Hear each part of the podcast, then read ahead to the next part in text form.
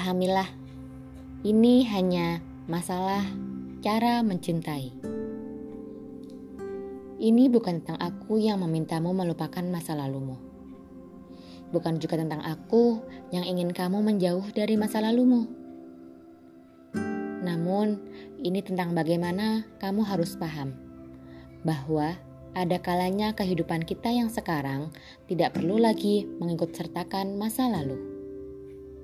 Bukan karena cemburu, bukan karena takut dia merebutmu, tetapi karena memang seharusnya kita berjalan ke depan, bergandeng tangan, berdua saja.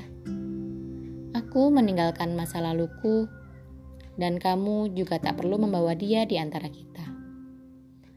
Aku bisa percaya penuh padamu, mungkin tidak pada dia.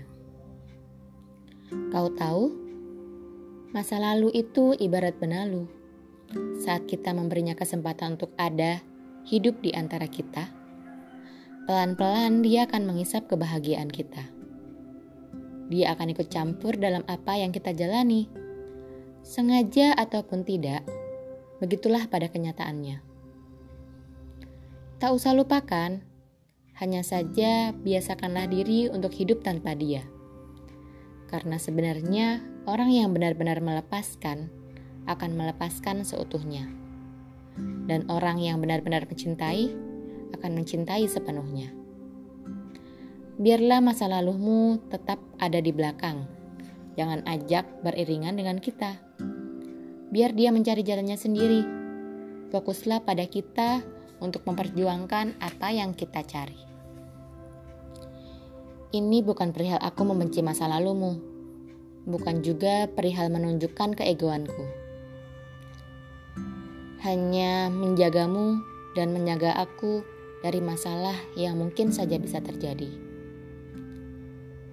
Kita akan dihadapkan oleh banyak tantangan, dan seharusnya itu tantangan yang ada di depan, bukan tantangan dari masa lalu yang sengaja kita beri kesempatan untuk berdampingan dengan kita bukan untuk menutup diri. Hanya saja kau dan aku sepakat untuk menuju masa depan. Tolong pahami, ini bukan cara memaksakan hati, juga bukan cara untuk membatasimu. Ini hanyalah usaha untuk membuat kita menjadi lebih paham bahwa yang jadi masalah adalah banyak hal yang sengaja kita biarkan hidup dengan kita hal yang kita anggap sepele, tetapi bisa merusak seisi dada. Biarlah yang tertinggal tetap tertinggal, agar hatimu dan hatiku tetap tunggal. Agar apa yang kita impikan bisa kita wujudkan, agar apa yang kita jalani bisa kita nikmati.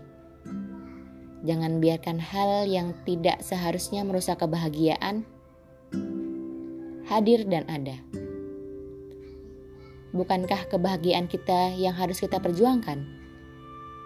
Jika memang tak ada tujuan yang beda di antara kita. Sebuah catatan pendek untuk cinta yang panjang.